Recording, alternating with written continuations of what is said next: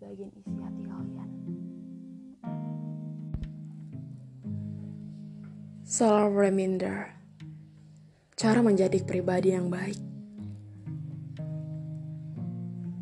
Kamu terlalu berhati-hati agar tidak sampai melukai perasaan orang lain. Tapi justru Kamu yang paling menderita.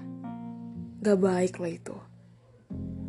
Hatimu juga butuh diperhatikan Jadi kalau ada sikap orang lain Yang kamu rasa nyakitin dirimu sendiri Atau penyakitin perasaanmu maka ungkapkan saja. Dan juga menerima diri sendiri. Mengontrol perbuatan dan perkataan.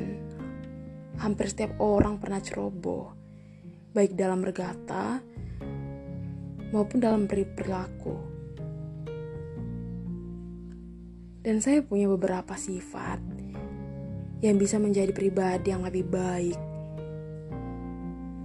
Selalu bersikap ramah, rendah hati, selalu berempati, senang membantu sesama, jadi pendengar yang baik, bersikap sopan. Jadilah sosok yang humoris.